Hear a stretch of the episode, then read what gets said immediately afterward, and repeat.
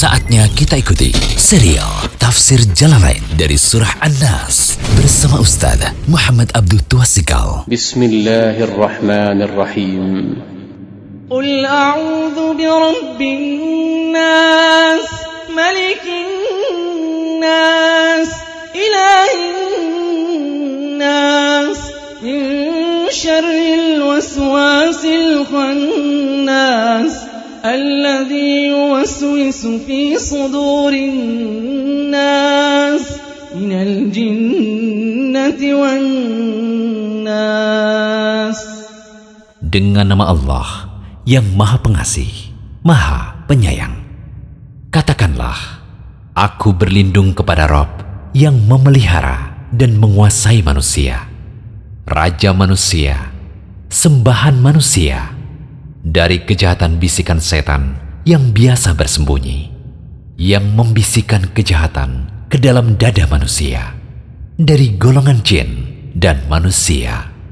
Alhamdulillah, salatu wassalamu ala rasulillah wa ala alihi wa sahbihi wasallam. Kali ini kita masuk ke audio ke-25 dari pembahasan tafsir tiga surat favorit. Masih dalam bahasan cara menjaga diri dari godaan setan. Artinya ini kiat-kiat kelanjutan dari pembahasan bagaimana kita bisa menghindarkan diri dari godaan setan, was-was setan, dan berbagai macam ya, gangguan pada diri kita. Kali ini pembahasan poin ke-17, membaca zikir pagi petang. Baca zikir pagi petang itu sangat-sangat penting karena penjagaannya yang luar biasa. Di antara hadis yang menunjukkan demikian yaitu hadis dari Utsman bin Affan radhiyallahu anhu. Ia berkata Rasulullah shallallahu alaihi wasallam bersabda, "Ma min 'abdin yaqul fi sabahi kulli yawmin wa masa'in kulli lailatin bismillahilladzi la yadurru ma'asmihi syai'un fil ardi wala fis sama' wa huwa samiul alim. Salasa marratin illa lam yadurruhu syai'un Tidaklah seorang hamba mengucapkan setiap pagi dari setiap harinya dan setiap petang dari setiap malamnya kalimat Bismillahilladzi la yadurru ma'asmihi syai'un fil ardi wala fis sama' wa huwa samiul alim dengan nama Allah yang dengan namanya tidak ada sesuatu pun yang membahayakan di bumi dan tidak juga di langit. Dan dialah yang maha mendengar lagi maha mengetahui. Sebanyak tiga kali, maka tidak akan ada apa pun yang membahayakannya. Hadis riwayat Abu Dawud, Tirmizi, Ibnu Majah, dan hadis ini adalah hadis yang sanatnya itu Hasan. Dalam akhir hadis di atas disebutkan bahwa Aban bin Utsman menderita lumpuh sebagian. Lantas ada seorang yang mendengar hadis dari Aban lalu memperhatikan dirinya. Aban berkata, Malaka tanzuru ilayya Wallahi ma kadzabtu ala Utsman wa la kadzaba Utsman ala Nabi sallallahu alaihi wasallam wa ala alihi wasallam walakinna al-yawm alladhi asabani fihi ma asabani ghadibtu fanasitu an akulaha Demi Allah kata Aban Kenapa engkau terus memperhatikan aku seperti itu? Aku tidaklah mendustakan hadis dari Utsman. Utsman pun tidak mungkin berdusta atas nama Nabi Shallallahu Alaihi Wasallam. Akan tapi hari ini terjadi apa yang sudah terjadi? Aku sedang marah, lantas aku lupa membaca zikir.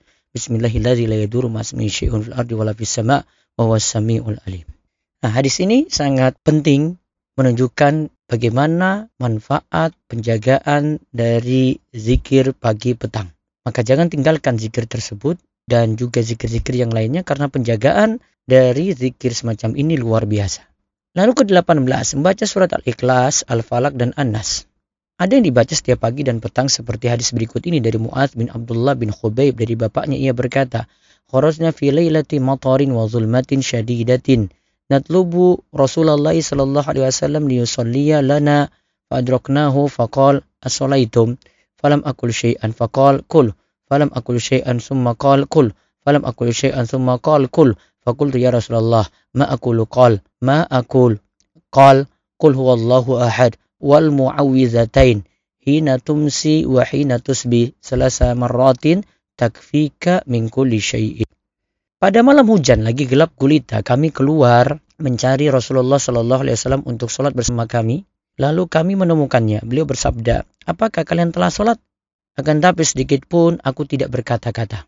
Beliau bersabda, katakanlah.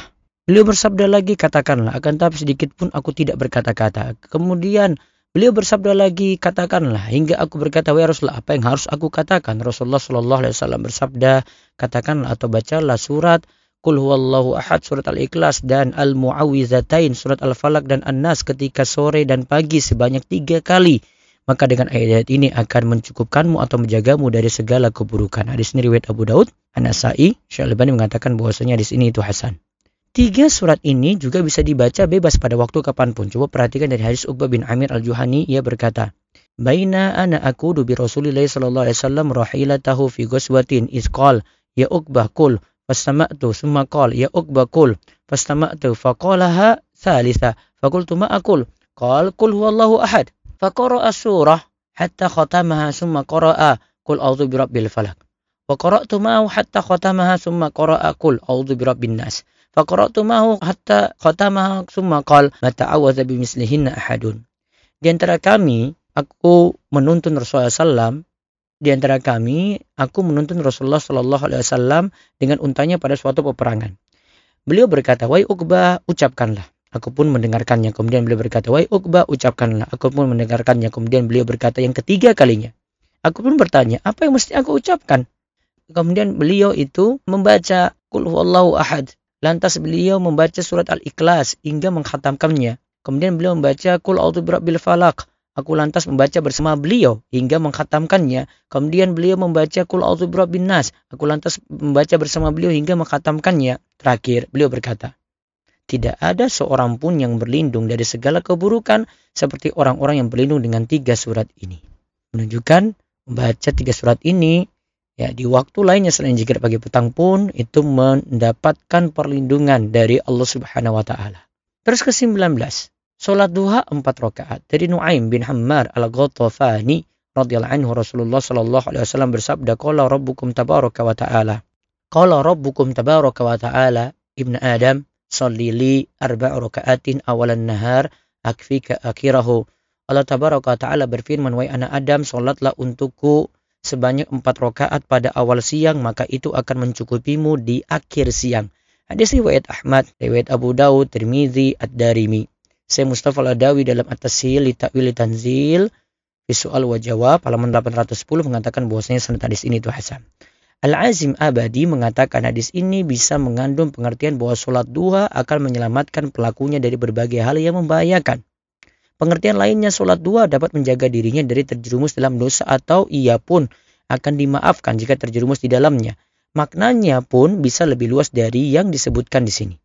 Al-Tibi berkata, engkau akan diberi kecukupan dalam kesibukan dan urusanmu, serta akan dihilangkan dari hal-hal yang tidak disukai setelah engkau sholat hingga akhir siang.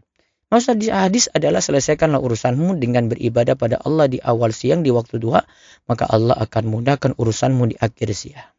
Nah ini berarti menunjukkan keutamaan dari pelaksanaan sholat duha empat rakaat Allah akan memudahkan urusan kita. Itu yang dimasukkan dengan kecukupan yang disebut dalam hadis. Kemudian yang ke-20, meminta perlindungan untuk anak kecil. Artinya minta pada Allah supaya anak kecil, anak kita itu dijaga.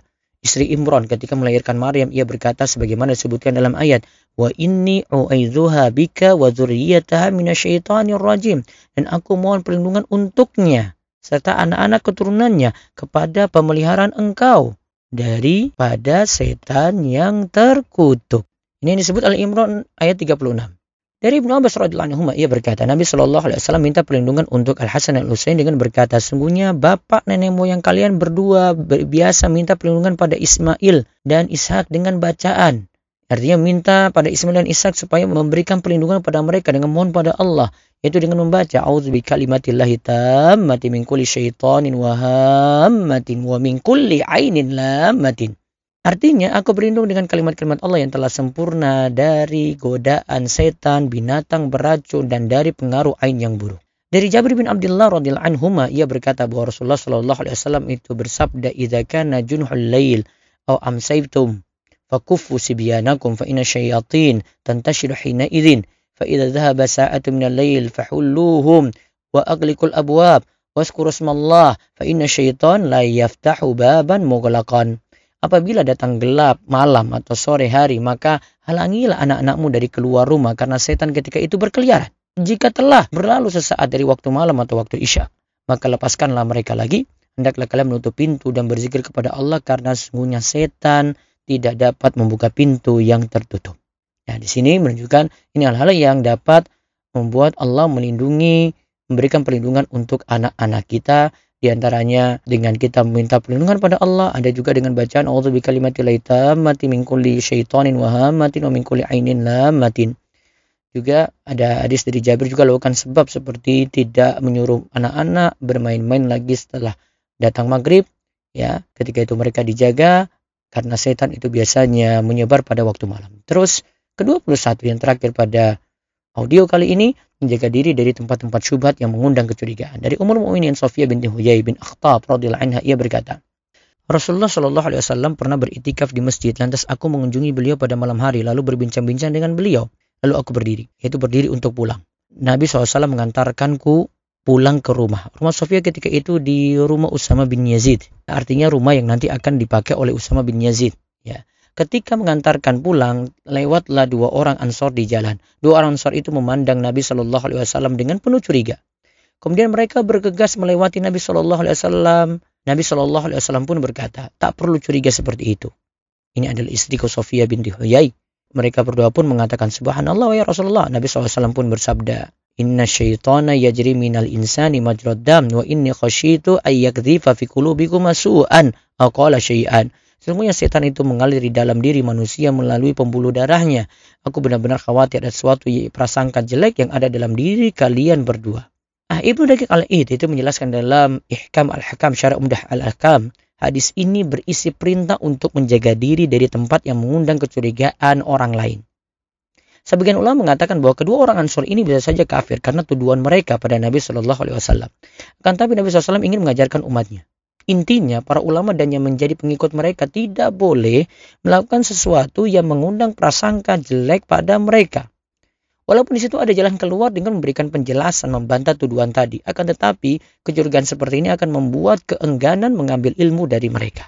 Hadis ini juga menunjukkan begitu bahayanya serangan setan pada jiwa. Walaupun prasangka itu sulit dicegah sehingga seseorang tidak dihukum karenanya. Intinya jangan sampai ya sebagaimana maksud penjelasan ke-21 ini adalah jauhilah tempat-tempat syubhat yang mengundang kecurigaan supaya orang tidak curiga pada kita ya, agar setan tidak masuk lewat pembuluh darah kita. Semoga manfaat. Demikian serial Tafsir Jalalain dari Surah An-Nas bersama Ustaz Muhammad Abdul Tuasikal. Kunjungi terus situs rumaisurat.com